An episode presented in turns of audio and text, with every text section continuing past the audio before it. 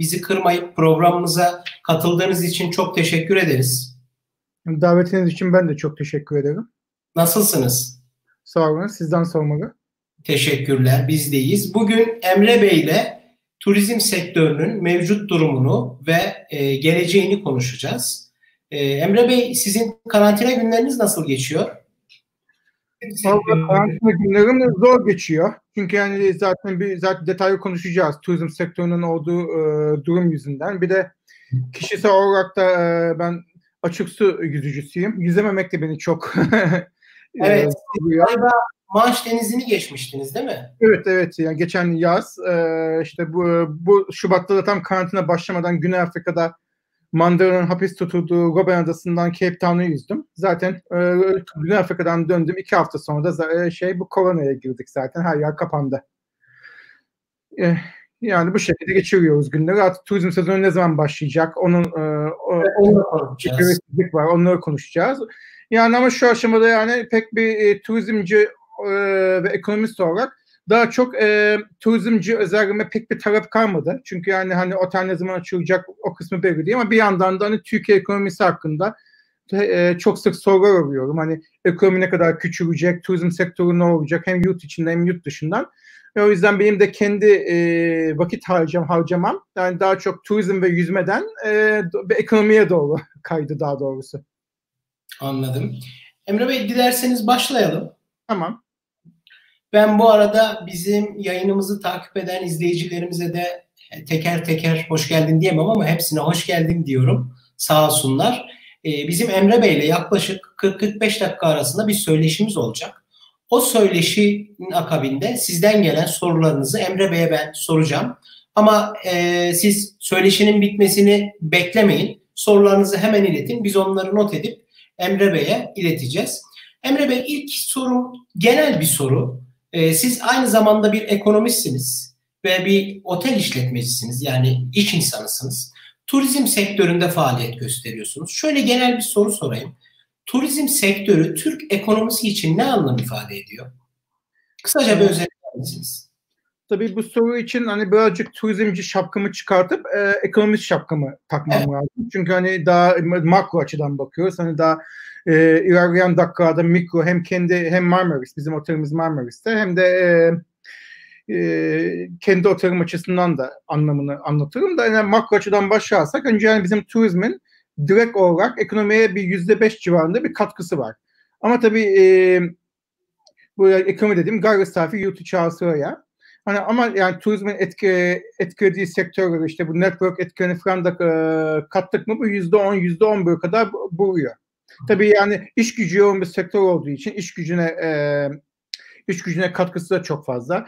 Tabii yani bu hani bir, bir milyon kişiyi çok rahat otellerde sayabiliriz çalışan ki bunların yanında hani bir de sonuçta bu otellerin e, mal aldığı e, sektörler var. Özellikle sonuçta bir gıda gıda olsun ne bileyim gıdadan tutun boyaya şuna buna kadar yani hani yüzlerce değişik çok ciddi bir etkileşim oluyor.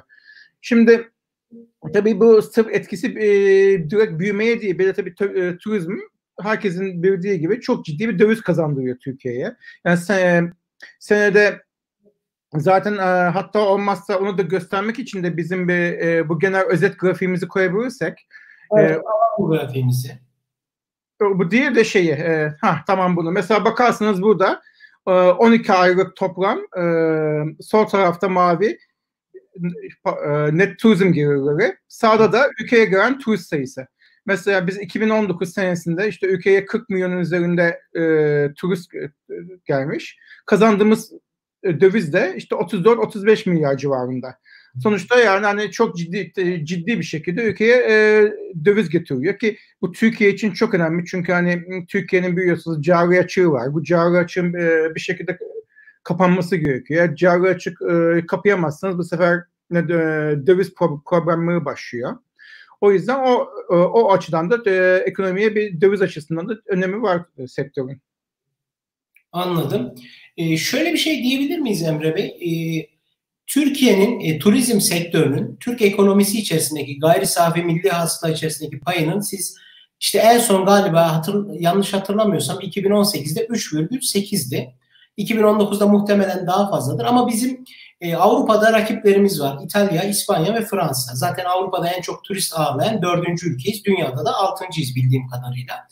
Ekonom, turizm sektörünün ekonomideki payı bizde diğer rakiplerimize, ana rakiplerimize nazaran biraz daha fazla.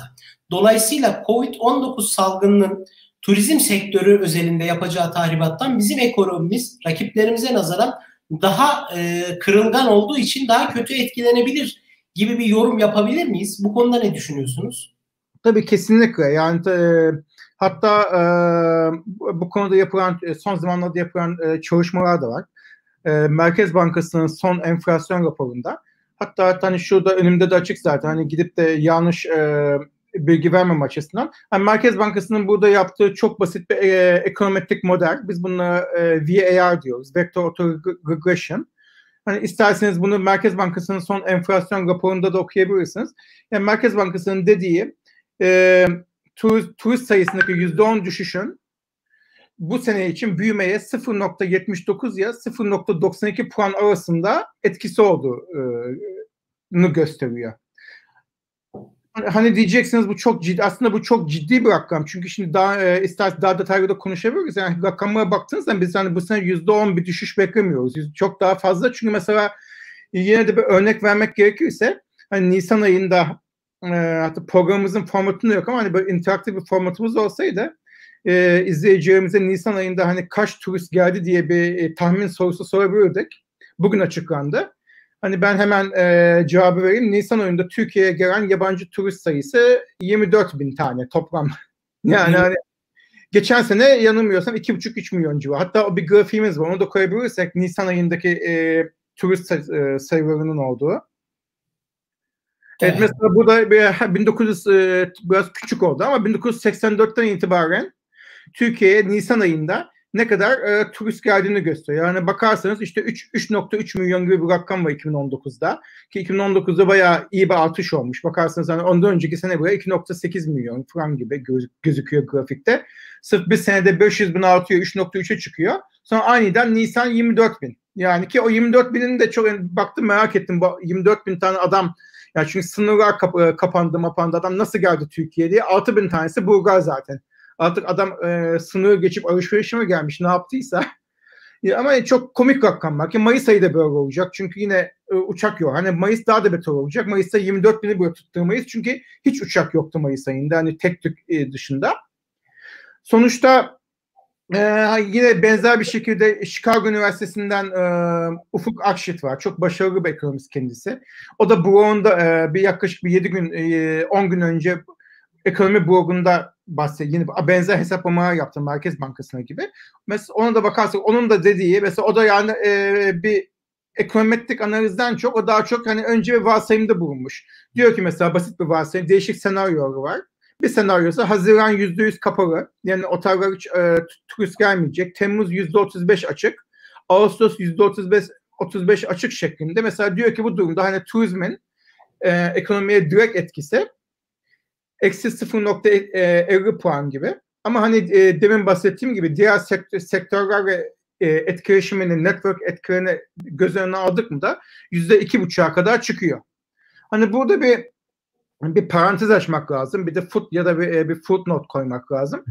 Yani yavaş işte değişik kurum var, özel kurum var ya da ne bileyim işte e, Benkel beklenti anketlerinde 2020 büyüme oranı da açıklanıyor. Ki o ne bileyim yüzde bir, yüzde iki diyen var. İşte oradan yüzde dört, yüzde beş diyen var. Hani e, konumuz değil. Pek o, 2020'de Türkiye ekonomisi ne kadar küçülecek kısmına girmiyorum ama bakarsanız hani bizim kendi Merkez Bankamız da e, ki, ki bu bahsettiğim e, Ufuk Akşit hocamızın çalışması da gösteriyor ki yani bir çok yüzde yirmi, yüzde otuz e, küçülmede bile, yani tur, turist sayısının küçülmesinde bile bizim e, büyümemiz en aşağı bir 2-3 puan etkileniyor sırf turizmden.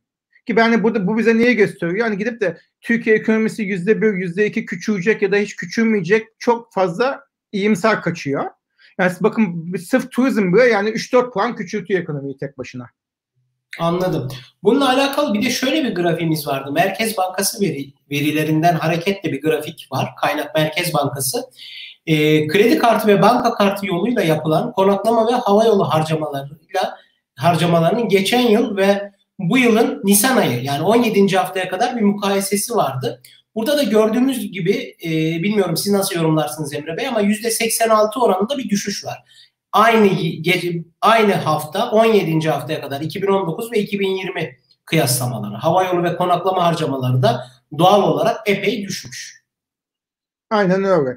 Yani ki zaten ya sonuç bir de tabii şöyle bir durum var. Şimdi hani e, biliyorsunuz e, otelleri açmaya başlayacağız yani yazlık sezonunda ki aslında çok da doğru bir e, cümle olmadı bu. Çünkü yani resmi olarak Türkiye'de bir turistik tesisleri, otellere bir yasak gelmedi. Sonuçta hani bizde bize de kimse hani e, kendi otelimizi hani siz açamazsınız demedi. İstesek otelimizi hani e, Nisan başında da açardık. İstesek yarın da açıyoruz ama kapalıyız çünkü turist yok yani müşteri yok o yüzden. E, ki e, şimdi Haziran ayında bu sertifikasyon çalışmasıyla önce iç turizme başlayacağız, yargı turizme. Orada da hani gördüğümüz şu ki şu anda bir harcama yok. Ee, evet. Tabii hani bu iki hafta sonra, bir hafta sonra hani insanlar yavaş yavaş başlar mı ama sonuçta hani bizim de e, çok aşırı derecede optimist e, gözükmüyor, e, optimist olmamak lazım. Çünkü gerçekten yani şu şu aşamada pek de iyi gözükmüyor turizmin bu seneki e, hali. Hem yani ben sırf Türkiye için de demiyorum bunu, bütün dünya için. Anladım. İyimser olmamak lazım dediniz. Tam bu konuyla alakalı şunu soracağım. Birleşmiş Milletler Dünya Turizm Örgütü COVID-19 salgınıyla alakalı 3 tane senaryo hazırladı. Senaryoların bir tanesi eğer e, sınırların açılması ve seyahat yasaklarının e, kalkması Temmuz ayında olursa, e, Temmuz ayında başlarsa %58 düşüş öngörüyor. E, Eylül ayında başlarsa %70 düşüş öngörüyor. Aralık ayının başlarında başlarsa %78 düşüş öngörüyor. Siz bu e, Dünya Turizm Örgütü'nün 3 senaryosuna baktığınız zaman e, nasıl bir değer, hangi senaryo size daha olası bir ihtimal gibi geliyor? Yoksa bu 3 senaryonun üçü de iyimser bir perspektifle kaleme alınmış senaryolar mı? Bu konu hakkında ne diyorsunuz?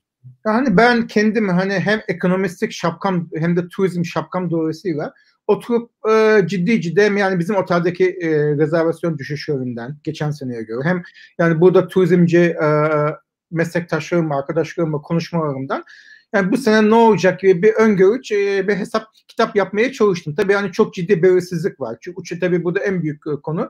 O uçuşlar ne zaman başlayacak? Zaten sizin bahsettiğiniz çalışmada da o yüzden hani uçuşlar ne zaman başlayacağına göre değişik e, senaryolar e, dile getirilmiş. E, yani benim hani en optim Türkiye için en iyimser senaryomda bile bu sene hem e, yani gelen turist ya da gelir bazından bakarsak geçen seneye göre yüzde elli'nin üzerinde olmamız imkansız. Ki bu ne demek? E, net, net turizm geliri geçen sene 30 milyardı. Bizim net dememin sebebi aslında 34 milyar da bir de bizim 4 milyarda bizim Türklerin yurt dışında harcaması var. Yani hani o da bizim e, bir çıkış şekli negatif. E, Emre Bey. Yanlış Efendim? Geçen sene rekordu galiba değil mi? Gelen evet, turist. evet tabii geçen sene hem yani zaten benim başta gösterdiğim grafikte de gördük onu. Hani çok ciddi bir şekilde e, peak noktasına geçen sene ulaştı. Ki hani bu, bu 30 milyarın bizim hani e, en en en en iyi senaryosu e, bir yarısını görmemiz olacak. Hani biz e, bir 15 milyar falan ve kapasak öpüp başımıza koymamız lazım. Ki yani büyük ihtimalle bunun üçte biri yani gibi 10 milyar hatta yani 10 milyarın da altında da olma ihtimali var. Tabii burada hani ne desek boş. Çünkü uçuşlar ne zaman başlayacak ona bak. Yani bize tabii bizim yani Türkiye'de yani hani yargı turist gelir mi gelmez mi o o tartışmayı da bırakalım ama bizim bizim yatak sayımız Türkiye'deki yani turizmin kapasitesi sırf yargı turizme e, dönmez. Yani bizim çünkü yani sonuçta çok ciddi e, yurt dışından gelen turistlere dayalı bir sektör bu. Yani ki e, bu açıdan bakınca da sonuçta hani Rusya için mesela bizim en büyük pazarlarımız ne? Almanya. Hani Almanya e, ki Almanya'nın da o kadar büyük bir pazar olmasının sebebi tabii Almanya'da yaşayan e, Türk kökenli e, Almanlar ya da işte çifte vatandaşlar onlar Türkiye'ye çok görüyor. Oradan hani ilk e, en büyük tur, e, turist pazarı Almanya. İki, ikinci Rusya, üçüncü de İngiltere.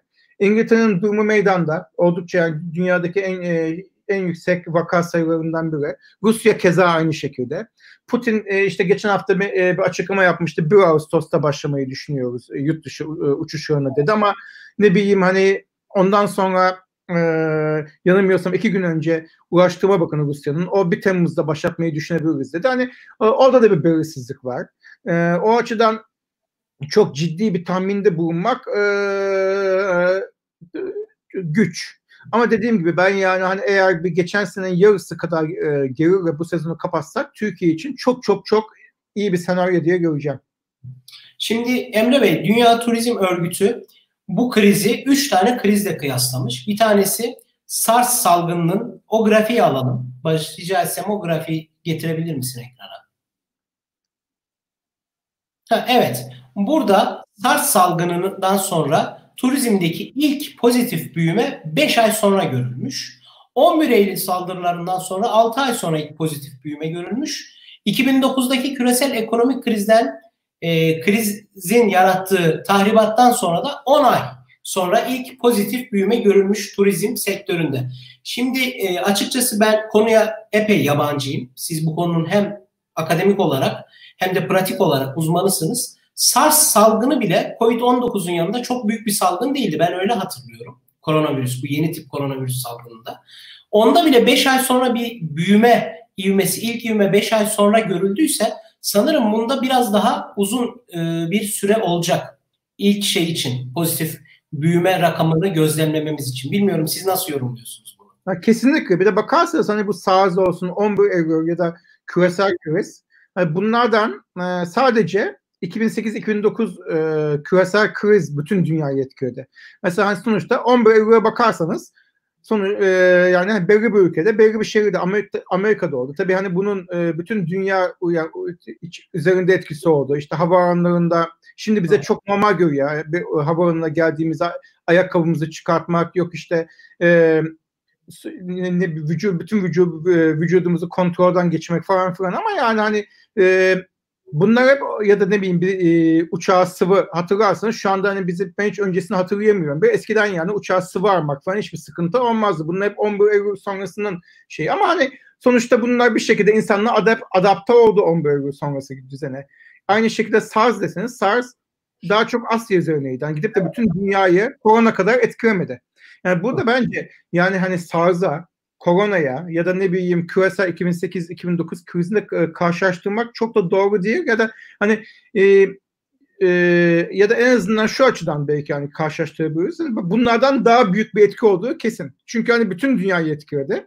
Bir de iki türlü etkiledi. Mesela ne bileyim 2008-2009 krizi dünyayı etkiledi ama insanların derdi e, işlerini kaybetmesi, gelirlerinin düşmesiydi. Ama mesela şu anda sırf e, tabii bir sürü insan işsiz. Türkiye'de, Türkiye'de, dünyada hani işini e, işini kaybeden özellikle hani bir servis sektöründe, restoran, otel olsun e, ki aynı zamanda üretimde de, sanayide de çok ciddi iş kayıpları var ama bunun yanında hani işini kaybetmeyen, aynen maaşını evinden çalışıp e, maaşını tıkır tıkır olan insan bile, hani beyaz yakalı insan bile yani tatile çıkmaya çekinir şu anda.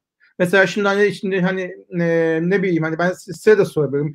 Hani yarın bütün dünyaya uçuşlar başkasa ne bileyim sizde Yolu arasa Nurettin Bey biz size bin liraya e, Los Angeles, New York'a uçuracağız dese hem de business class bilmiyorum hani kabul eder misiniz? Yani kabul edebilirim Emre Bey. yani o açıdan ya hatta özellikle de New York diye seçtim de yani ama e, sıkıntı da bu ciddi bizim yani ben bunu hani turist e, bir e, otel sahibi olarak da düşünüyorum. Mesela bizim de yani çok ciddi e, İngiliz e, İngiliz pazarımız var, Rus pazarımız var. Bu insanlar hani ciddi bir e, iş yönünü kaybetti. Ama adam yani işini kaybetmeyen, maaşı düşmeyen hani bu sene ne kadar tatil yapmak isteyecek? Hani uçağa binmeye çekinecek mi, çekinmeyecek mi? Şimdi Emre Bey bununla alakalı, bu dediğinizle alakalı genelde otel işletmecileri e, turizm sektöründe yaşanan kayıpların telafisi için salgın sonrası döneme odaklandıklarını söylüyorlar. Şimdi bu noktada onlara sorulan soru da şu. E, bilim kurulu üyeleri daha doğrusu koronavirüsle alakalı çalışmalar yapan tıp insanları salgının hayatımızdan hiçbir zaman gitmeyeceği ihtimali üzerinde de durmaya başladılar. Yani salgın bizim gündelik hayatımızın bir parçası, bir gerçeği olursa salgın sonrası dönemden kısa ve orta vadede bahsetmemiz mümkün değil. Bu noktada size şunu soracağım. Hani her krizin bir fırsatları da beraberinde getirdiği önermesinden hareketle şunu diyebilir miyiz? Özellikle Türkiye'deki turizm sektörü salgın sonrası döneme ya da salgınla birlikte turizm faaliyetlerini yürütmeye ne kadar hazırlıklı? Mesela şöyle şeyler dile getiriliyor. Artık 500 ya da 1000 yatak temalı büyük otel projeleri rafa kalkacak. Bunun yerine butik oteller, villa tipi tatiller falan revaçta olacak. Turlar bir süre askıya alınacak. Onun yerine bireysel e, tatil seçenekleri, turizm seçenekleri devreye sokulacak gibi yorumlar yapılıyor. Yani şunu soruyorum. Sektör koronavirüsün yarattığı yeni duruma karşılık bir dönüşüme hazır mı? Bunu hem dünya üzerinde ama daha çok Türkiye üzerinde soruyorum. Bir de bu yeni durumu, yeni duruma adapte ol, adapte olacak altyapı altyapıya sahip mi? Ya, altyapı kısmı yani bir şekilde yani bir dereceye kadar halledilir yani. Sonuçta ne bileyim havaalanında ek e, önlemler koyarsınız e, falan filan ama yani hani e, işin özünde Türkiye sonuçta Türkiye hepimizin de bildiği gibi bir kitle turizm destinasyonu. Yani çok büyük oteller hani ne bileyim bizim Marmaris'te öyle çok çok e, büyük otel yok. Mesela bizim tesisimiz 700 yataklı Marmaris için oldukça büyük e, sayılıyor. Mesela Antalya'da küçük yani. Hani Antalya'da baka özellikle bir sürü tesis 1000-1500 yatak ya da daha üstü boyda. Yani bu tesislerin ha tabii yani yeni düzene şöyle ayak uydular.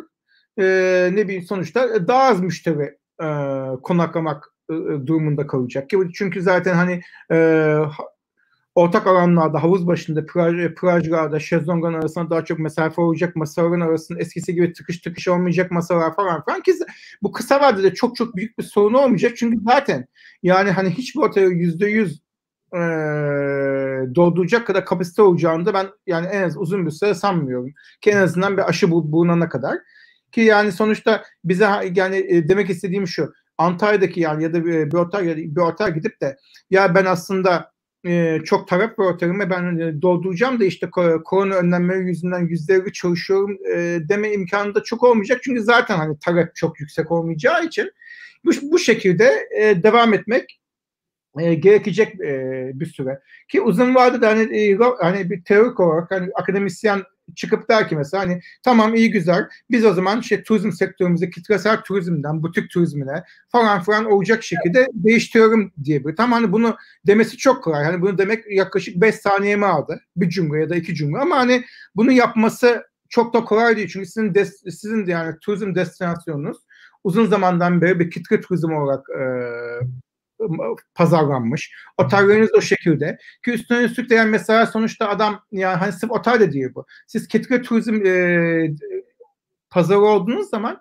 yani sizin ülkenize gelen müşteri de o tip şeye göre görüyor. Sizin mesela yani her şey adam mesela şey istiyor. E, ne kitle turizmi olmasın diyen insan koskoca e, koskoca bir koyda ben tek başıma uğrayayım diyor. Ya da etrafta görüntü etrafta etrafta e, motor spor, motor sporları olmasın. Yani pardon su, su sporları jet ski, met ski sabahta akşama kadar e, jet dolaşmasın diyor. Ki yani hani ben kendi tecrübemden burada hani e, ekonomist ya da e, turizmci diye yüzücü kimliğimle söylüyorum. Ben mesela Marmaris'te e, turizm sezonunda sabah ancak e, 7'de 7'de 6.30-7'de antrenman yapabiliyorum. Çünkü saat 8.30-9'dan sonra yani direkt bir şey. Bütün bütün bangır bangır yani şey motor, suat motoru, jet skisi, met skisi baştan aşağı geçiyor. Yani bu yani bizim turizm modelimiz çok da e, Türk tabii hani e, istisnalar var mesela hani ne bileyim işte hani turizm merkezi dersek yani bir derece hani e, bir e, kaşı örnek gösterebiliriz mesela ya da ne bileyim hani e, tek başına e, koylarda olan oteller de var Türkiye'de ama mesela bizim e, şu anki e, yaz turizminin çok ciddi bir kısmı e, kitlesel turizme e, odaklanmış. O şekilde yapısı, yapısı da o şekilde. Yani mesela Marmaris'in içinde Marmaris'e gidersiniz ya da Bodrum'a yan yana bir sürü otel. Yani şimdi siz ne yapıyor yani hani gidip de burada e, e, ot, hani otellere yüzde bir çalışın deseniz de bu sorunu tam olarak çözmüyor. Yine bir kalabalık var. Yine bir iç içe insanlar o açıdan yani hani bizim bir dönüşüm de ben bunu sırf Türkiye için de demiyorum. Aynı şey aynı şey başka yani başka ülkeler için de geçer. Mesela İspanya İspanya'da da kitle turizmine e, hitap eden yerlerin de anında bir günde e, butik turizme geçmesi öyle çok kolay değil. Anladım. Peki şöyle bir soru sorayım Emre Bey size. Anladığım kadarıyla bu dönüşümün de çok kolay olmayacağını iddia ediyorsunuz. Ee, şimdiki sorum şu olacak. Bildiğiniz gibi biz demin yayın başında da ifade ettim. Avrupa'da en çok turist alan Avrupa ülkeleri arasında dördüncü sıradayız. Dördüncü ülkeyiz diye. Üç tane büyük rakibimiz var. İspanya, Fransa ve İtalya. Ee, şöyle bir yorum da yapılıyor. Bunu size sormuş olayım. Eğer biz Covid-19 salgınıyla mücadeleyi diğer üç rakibimizden daha iyi bir şekilde yaparsak ve vaka sayılarını elimizden geldiğince minimize edersek insanlar İtalya, Fransa ya da İspanya yerine daha sağlıklı ve tercih edilebilir bir destinasyon olarak Türkiye'yi görecekler. Ve bu bizim önümüzdeki günlerde, e, önümüzdeki gün önümüzdeki zamanda Türkiye'nin turizm gelirlerine pozitif bir etki yapacak. Böyle bir önerme, böyle bir görüş de var. Bu konu hakkında ne düşünüyorsunuz? Yani turizm gelirlerimizin tekrar artmasının muhakkak Covid-19'la e, yapacağımız mücadeleye bağlı bir tarafı var ama bu kıyaslamaya ne diyorsunuz diğer ülkelerle yapılan? Ha, tabii ki ama burada hani önemli bir noktaya değinmek lazım.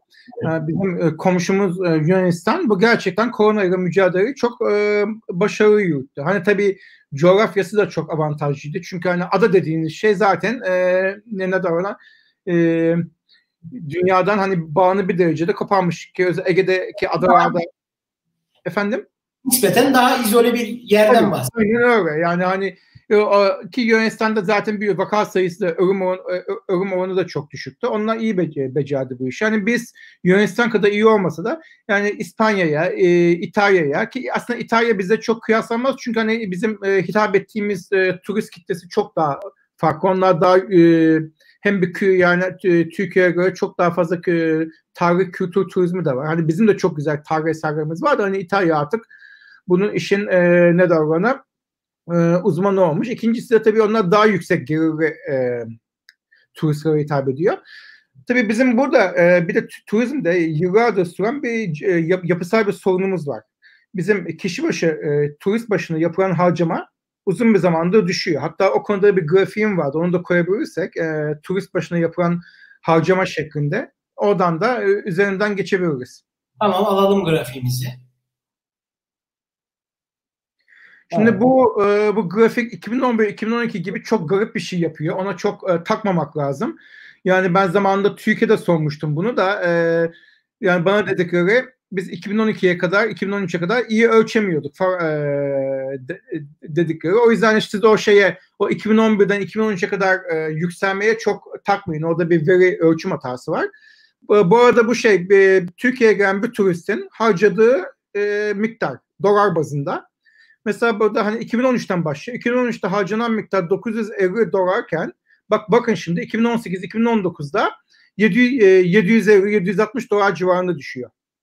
Ki 950, 950 dolar da çok e, yüksek bir rakam değil. Mesela turizmde bizden e, daha çok turist çeken ve de ne bileyim hani e, çok e, daha çok gelir elde eden İspanya'ya falan bakarsanız yani İspanya'da mesela bu rakam çok daha yüksek. Mesela hani en basitinden İspanya e, e, tabii yanlış hatırlamıyorsam bizim e, iki katımız e, kadar bir turist çekiyor. Bir 80 milyon frank kadar gibi olması lazım. Ama e, toplam turizmden elde ettiği gelir e, bizim dört katımız gibi gibi. Çünkü e, kişi başına turiste bizim evet, kişi başına bir turist orada kişi başına İspanya'ya giden bir turist Türkiye'ye giden bir turistten bir buçuk iki kat daha fazla harcıyor. Ki yani bu da tabii aslında kitlesel e, bir kısmı tabii kitlesel, kitlesel turizmin bir sonucu. Ve bir kısmı hani Türkiye'nin e, yüksek fiyat e, grubuna çıkamaması gibi bunun hani yapısal sebepleri de yap, yapısal sebepleri var ama zaten bizim hani bu korona öncesinden önce koronadan önce de yani gö, gördüğünüz gibi bu sorun devam ediyordu. Ha biz tabii özür dilerim e, kesiyorum. Bir örneğimiz daha vardı. Turizmden en çok gelir elde eden ülkeler onu da şimdi alırsak e, daha iyi olur. Siz devam edin. Buyurun Emre Bey. Yani e, bu ki hani bizim hani koronadan bağımsız bir şekilde hani turizmden daha fazla faydalanmamız için hem hem ekonomiye daha çok e, katkısı olması hem de hem, hem de işte bizim dış finansmanımıza da daha çok daha çok katkı e, katkıda bulunması, daha çok döviz getirmesi için yani bizim kişi başına e, Türkiye'ye gelen turistin yaptığı harcamayı da arttırmamız gerekiyor. Tabii yani bu böyle akademik olarak yani bunu demek kolay. Yine hani 3-4 saniye mi aldı ama tabii bunu yapması, etmesi, uyarlaması yani hani daha zor. Çünkü hani sonuçta ee, daha üst üst düzey gelir grubundaki turist özellikle yani hani bir sessizlik istiyor. Ne bileyim hani e, daha e, özenli e, servis, lüks servis istiyor. Etrafta yani e, et, yani şey çok yüksek para e, verip geldiği otelinde kalırken yandaki ne bileyim barın birinden bangır bangır gürültü gelmesini istiyor falan filan yani. Ama hani zaten buradan da görüyorsunuz. Mesela yani, e, yani buradan şöyle diyebilirim. Mesela ABD'nin 214 e, bu yanılmıyorsam milyar dolar. Bu Türkiye 25.2 diyor. Bu herhalde bir 200 senelik bir veri bu. Çünkü şu anda 30-34 e, net e, net gelir 30, e, brüt gelir de 34 milyar civar, civarında. Mesela bakarsanız Amerika yani 25.2'yi işte 214'ü 214'ü 25.2'ye bölseniz 8 küsur ediyor. 8 civarı bir şey yani. 8.1 falan. Ama yani Amerika'ya gelen turist sayısı Türkiye'ye gelen turist sayısının 8 katı değil. Niye böyle gelir farkı bu kadar yüksek? Çünkü Amerika'ya gelen bir turist Türkiye'ye gelenden çok daha fazla harcıyor. Evet gelen turist sayısında dünyada 6. olmamıza rağmen e, şeyde gelir elde eden ülkeler sıralamasında ilk ona giremiyoruz maalesef. Bu da Aynen. dediğim gibi turistlerin kişi başı yaptığı harcamalar. Bizde evet e, bu da Türkiye en son 2019 galiba verileri 46 milyondu. 46 milyon turist gelmiş. 2010'da ABD'ye gördüğünüz gibi 8 katı değil 2 katı diyebiliriz. Yok. Yani iki katı bile diyemeyiz evet. İki katı böyle görüyorsunuz yani hani sonuçta bu çok güzel gösteriyor. Yani bir bakın bakarsınız ki bu Amerika ve Türkiye kıyaslamasında çok iyi ortaya çıkıyor. Yani İspanya'dan daha da iyi ortaya çıkıyor. Çünkü bir yandan gelen turist sayısı nerede iki katından biraz ama gelir, e, gelir farkı sekiz katı. Demek ki Amerika de, demek ki eğer matematiğe e, matematikte bir hata yapmadıysam Amerika'ya gelen bir turist e, Türkiye'ye gelen turistten averaj dört katı falan daha fazla harcıyor gibi sonuç çıkıyor buradan. Anladım. Basit, basit kabaca. Emre Bey, Türkiye Seyahat Acentaları Birliği TURSAP bir rapor yayınladı COVID-19 ile alakalı. Bilmiyorum okuma fırsatınız oldu mu? O raporda turizm sektöründe yaşanan e, kayıpların telafisi için iç turizmi, turizm iç pazarı canlandırmak, teşvik etmenin bir ölçüde e, açılan bu kayıplara e, şey olacağı, çare olacağı söyleniyordu. Öyle bir iddia vardı. Siz buna ne diyorsunuz? İç turizmin hareketlendirilmesi, e, turizm sektöründe yaşanan kayıplara çare olur mu? Ne ölçüde olur? Ha, tabii ki yani hani bir zararı olmaz, faydası olur.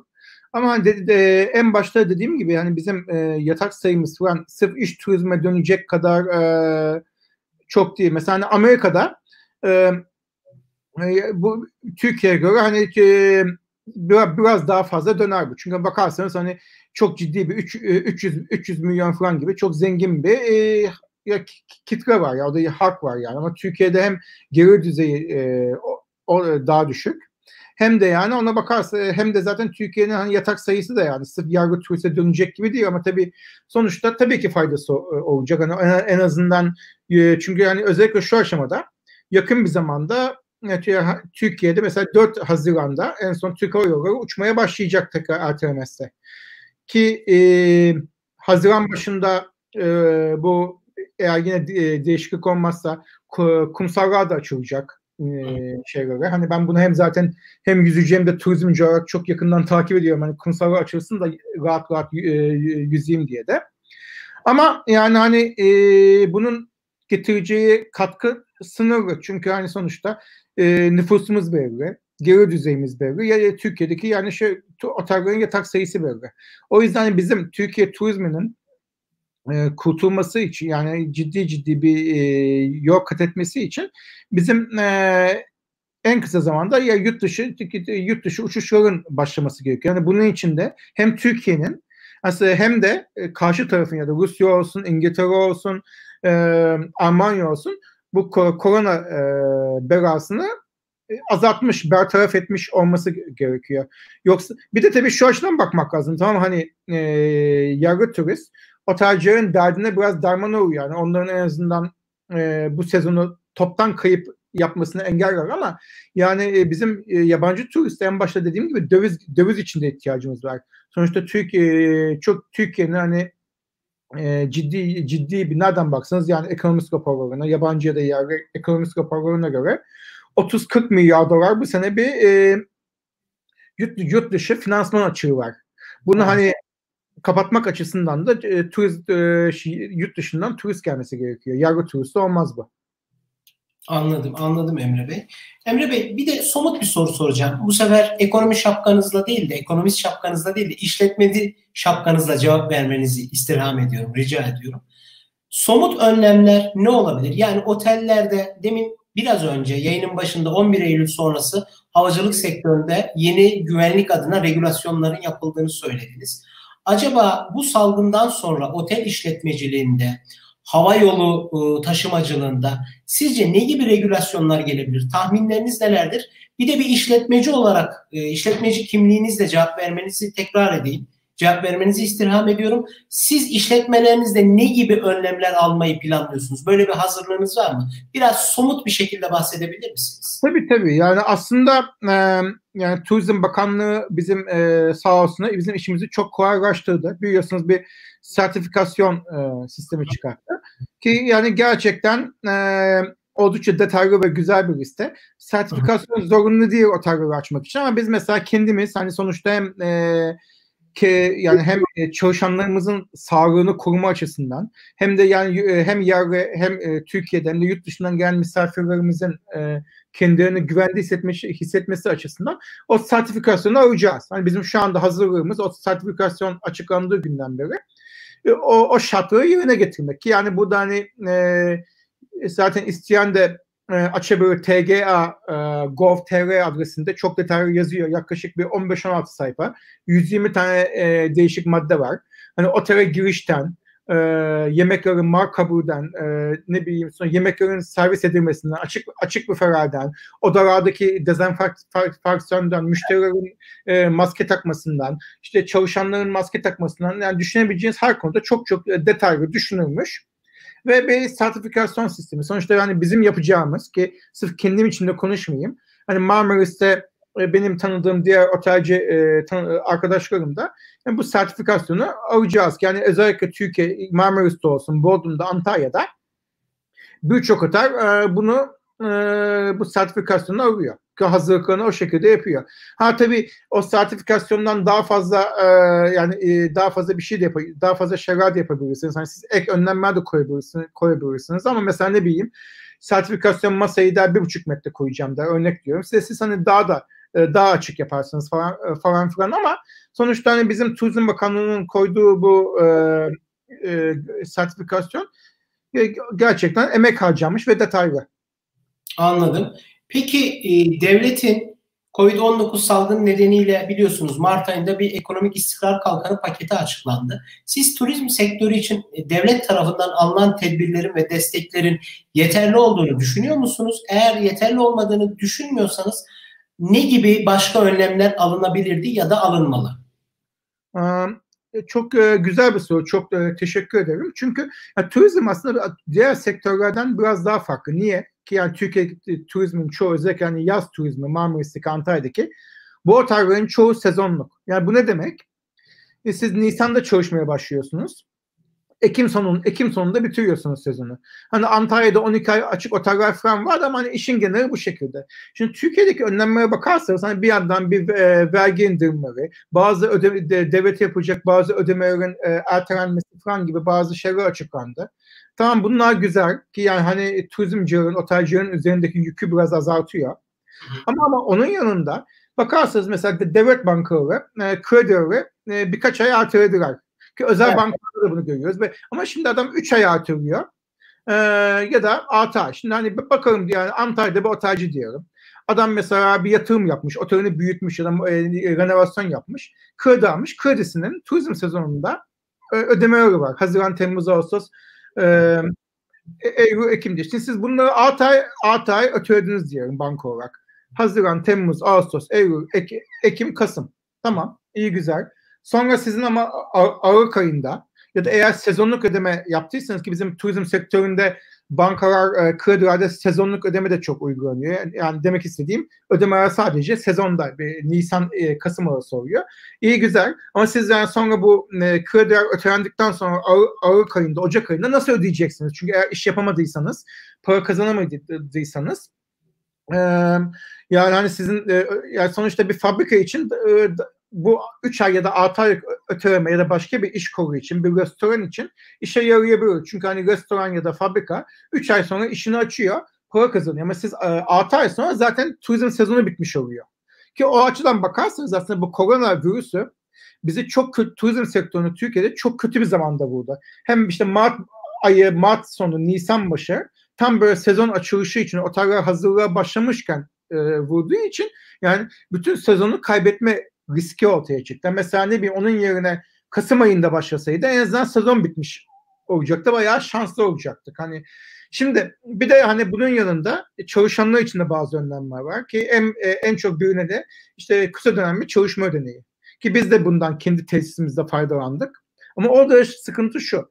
Yine bu sezonluk otellerde yani yaklaşık ben size şöyle diyeyim. Yüzde onla yüzde yirmi toplam personelin e, yüzde on ya da yüzde yirmi arası bütün sezon otelde çalışıyor. Yani ki e, mesela teknik servis ona kışında ihtiyacınız var.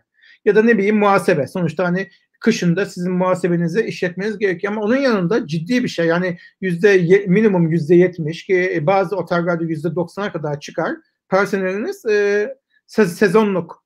Şimdi ama burada sorun şu sizin e, sezonluk işe alacağınız e, personeliniz bu kısa kısa dönemli çalışma ödeneğinden faydalanamadı. Niye? Çünkü adamı biz daha işe almamıştık.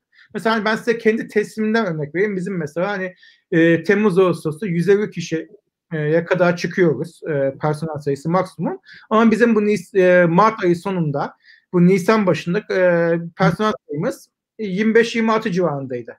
Ki yani bunların e, hemen hemen hepsi de kısa kısa dönemli çalışma ödeneğine hak kazandı. Çok güzel. Ama diğer sezonluk işe alacağımız 125 e, kişi hiçbir e, onlar onlar e, ne davranlar sezonluk e, çalışan olduğu için bu uygulamadan faydalanamıyor. Ki bu Türkiye'de hani çok ciddi bir sıkıntı. Ki yani ben buna gidip turizmci e, şapkamı bırakıp ekonomist şapkama geri döndüm mü bizim işsizlik oranımızı, Türkiye'de işsizliği çok ciddi bir şekilde e, arttıracak, arttıracak bu faktör ne yazık ki.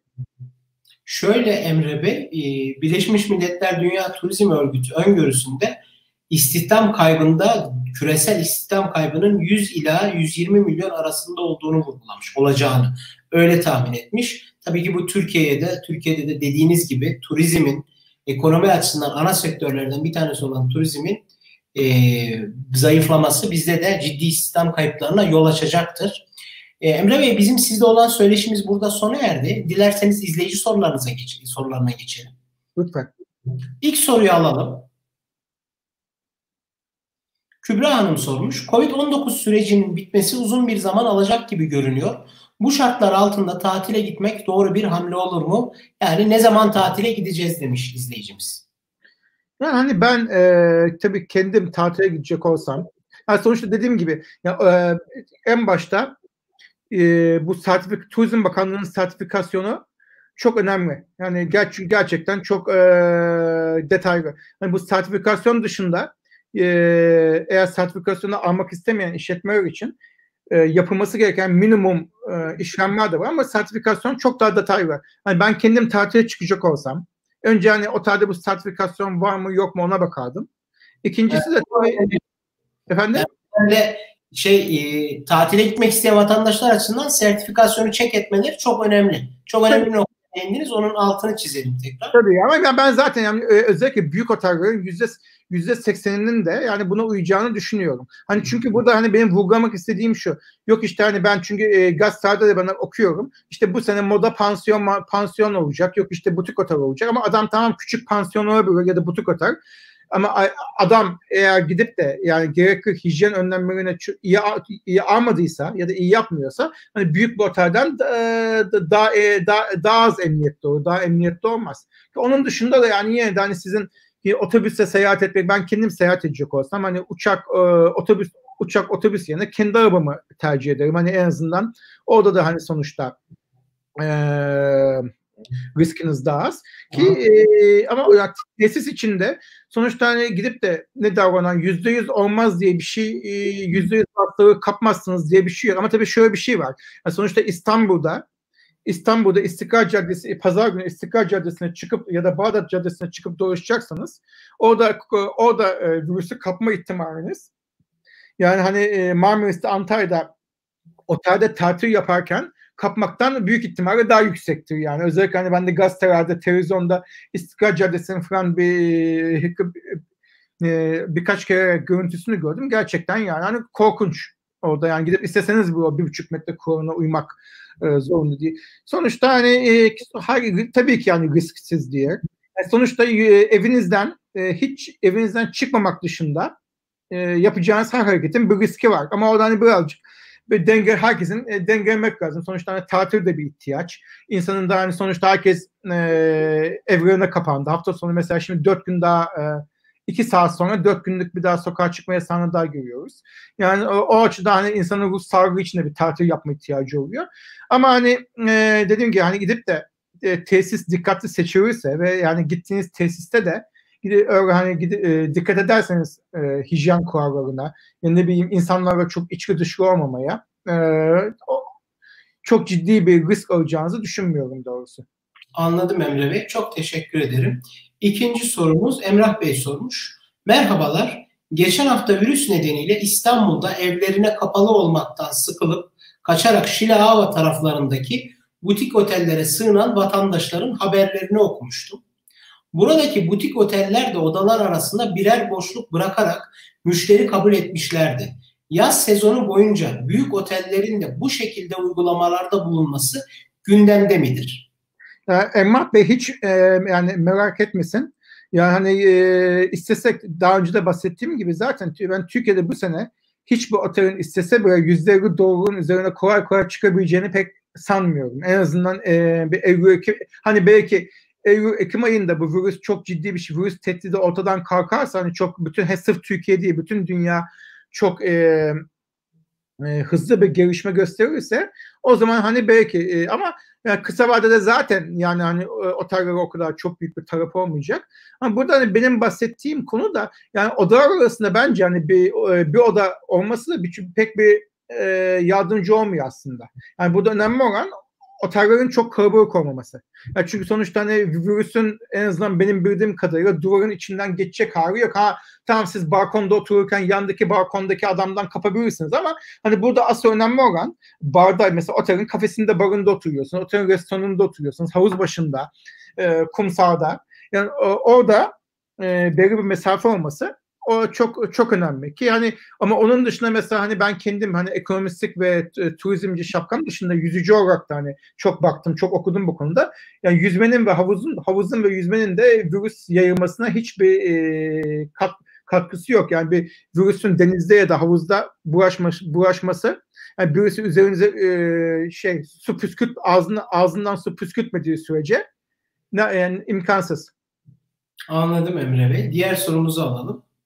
Hanife Hanım sormuş. Aylar öncesinden rezerve edilen tatil beldelerinin de erteleme veya iptalleri söz konusu olur mu bu dönemde?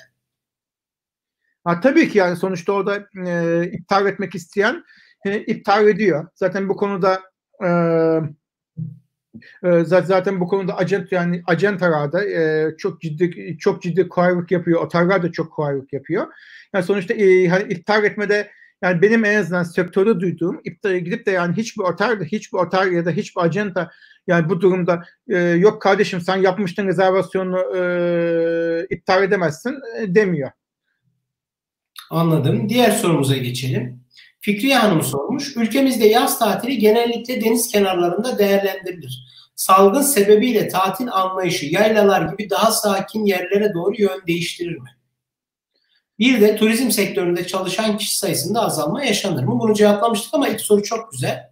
Evet ilk soru da çok güzel ama ikinci soruda da ekleyeceğim şey şu kesinlikle azalacak. Çünkü hani şöyle bir şey var. Hani diyelim ki e, biz otelimizi açtık. Hani bu arada ben hani bunu söylememde sakınca da yok. Bizim resmi açılış tar- tarihimiz 1 Temmuz şu anda. Başta 15 Haziran düşünüyorduk. Hani biz e, hani e, diyelim ki bir sıkıntı yaşamadık. 1 Temmuz'da otelimizi açtık ki Marmaris'te birçok otel yine 15 Haziran 1 Temmuz arası açıyor. Ama mesela biz tam kapasite açmayacağız. Yani bizim mesela iki tane binamız var. Tek bir binayı açıyoruz.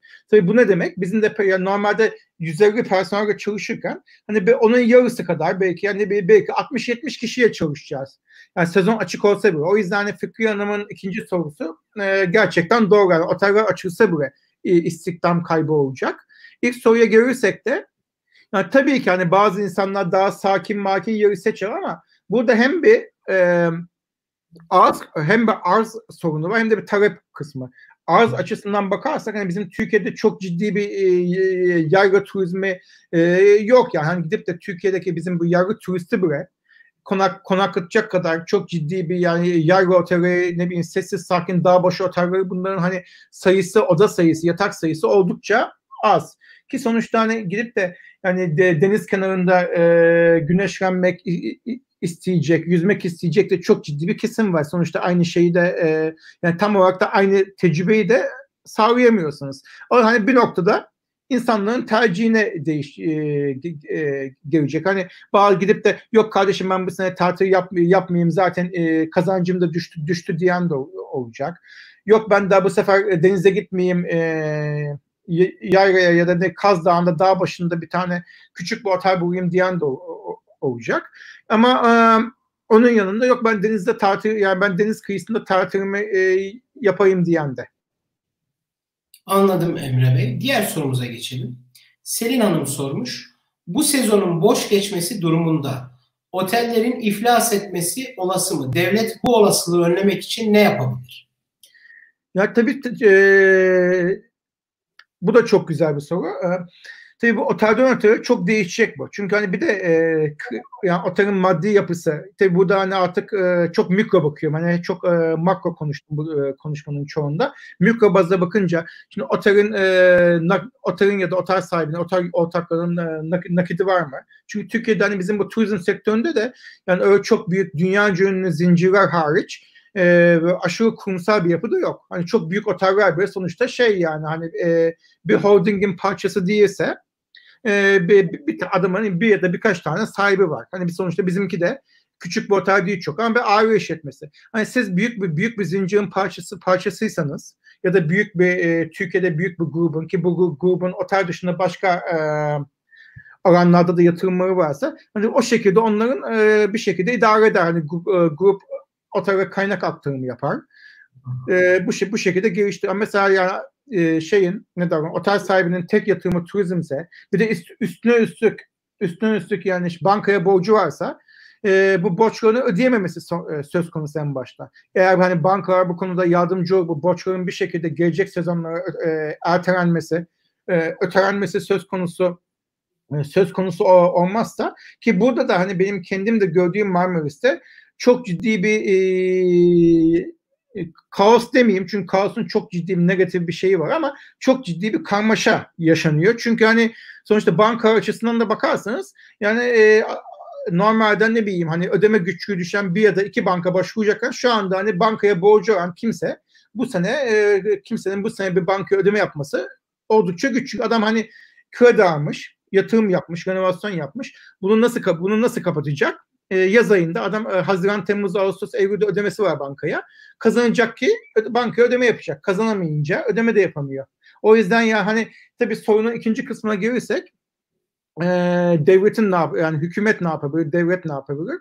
Tabii sonuçta şey yani ne der ona otellere çok e, ucuza e, kredi sağ, kredi sağlanması devlet bankalarından e, ne der ona e, bu söz konusu olabilir ama burada sıkıntı şu. Yani hani e, o kadar çok ciddi bir kaynak yok. Yani turizm sektöründe şu anda hani sırf hani e, sırf Marmaris değil, sırf Antalya'sı değil bütün bu bütün sektör çok zor durumda. O yüzden de yani gidip de, de devletin de hük, hük, e, devletin de bütün otelleri kurtaracak gibi e, bir, bir durumu yok. Yani hani sonuçta bankalarda e, ne yapacaklar? Yani burada ya bu e, sonuçta iş birazcık da bankalara düşüyor. Yani bankanın krediye e, bir şekilde ertelemesi, ötelemesi gerekecek. Ha ama tabii burada bir çözüm, tam bir çözüm diye tamamen bu sefer banka, bu sefer ota, e, otelcilik kriz, e, krizi bankacılık krizine e, dönüşüyor. Sonuçta bu sefer bankaların kapital yapısı, sermaye yapısı zarar görüyor. Bankaların bilançosu hasar görüyor. Sonuçta hani 2001 krizine doğru gidiyorsun. Bu sefer sonuçta nasıl 2001'de devlet bankayı kurtardıysa hani sonuçta hani bu %100 olur demiyorum ama hani sonuçta bu işin sonunda ki yani bunun senden sırf oteller yüzünden de olmaz. Çünkü yani sonuçta sanayisi var, başka servis sektörü var, şusu var, busu var ama yani hani e, ülkenin çok ciddi döviz açığı var ama sonuçta e, hazine, hazinenin bankaları sermayelendirmesi gibi bir durumla da karşılaşmak hiç de hiç sürpriz olmaz bu işin sonunda. Anladım Emre Bey. Teşekkürler. Diğer sorumuza geçelim. E, Melek Hanım sormuş turizm sektöründeki güvencesiz çalışan mevsimlik işçiler için işverenlerin çalışanlarına yönelik bir tedbir paketi var mı? Hükümetin işverenlerle bu anlamda dirsek teması nedir? Ya da böyle bir dirsek teması var mı? Aslında çok güzel bir soru yine. Teşekkür ederim de yani çok basit bir cevabı var. Ee, tek kelime üç harf yok. Yani zaten benim de e, sıkıntım oydu. Hani size daha önce bahsettiğim gibi yani bu e, sezonluk işçilerin e, durumu gerçekten hani ha hani başka bir yerde iş bulduysa falan filan e, e, iyi. Ama yani hani bulamadıysa e, hiçbir şeyden hani hiçbir güvencesi yok. Tabii aynı şey bu turizm dışında yani kayıt dışı sektör içindeki turizm sektöründe de var kayıt dışı. Yani tabii büyük oteller de yok ama sonuçta hani bakarsanız turizm e, bizim turizm sektörü hep böyle 5 yıldızlı e, otellerden tatil köylerinden ibaretti. Yani küçük küçük pansiyon nasıl pansiyonu var, şuyu var burada. Orada hani e, kayıtlı çalışmayan insanlar var. Aynı sıkıntı onlarda da var. Onların da hiçbir onların da bir güvencesi yok. Ki yani bu Türkiye'nin işte bu e, hani kayıt dışı sorunu şu anda gerçekten e, başı, bize sopa, kafamıza sopa, sopayla çok ani bir şekilde indi. Sadece turizm sektöründe değil her sektörün içinde var kayıtsız evet. çalışmacılar. Aynen öyle. Yani Türkiye'de yaklaşık yüzde otuz civarı yani en azından e, yani bir derece kayıt dışı olduğu yani ekonomistler tarafından söyleniyor zaten. Evet. Fikri Hanım bir soru daha sormuş. Emre Bey, otellerin yarı kapasiteli çalışması otel fiyatlarına nasıl yansıyacak?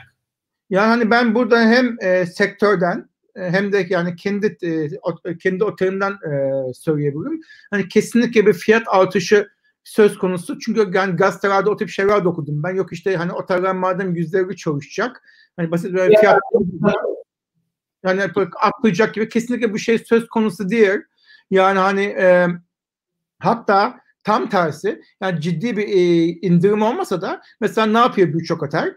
E, erken rezervasyon indirimlerini uzattılar. Yani normalde bir sektörde çok yapılan bir e, şeydir bu. Ki siz acentayla anlaştığınız zaman ki bu yani bir yargı bir acenta da olabilir. Yoksa yabancı bir acenta da diyorsunuz ki yani Mart sonuna kadar yapılan rezervasyonlarda yüzde on, yüzde on beş, yüzde yirmi indirim. Yani benim bildiğim birçok otel bunu, bunu Mayıs sonuna kadar uzattı. Yani ki şu anda siz hani e, şu anda da e, birazcık hani de orana turizm sektörünün e, şey promosyonu yapıyormuş gibi şey yaptım ama hani sonuçta e, gerçekten de yapılan bu. Ama hani e, şu anda da rezervasyon yapsanız yine erken e, erken rezervasyon indiriminden faydalanıyorsunuz. O açıdan hani ki o açıdan hani aslında hani bırakın fiyat arttırmayı bir fiyat indirimi de söz konusu gibi oluyor aslında.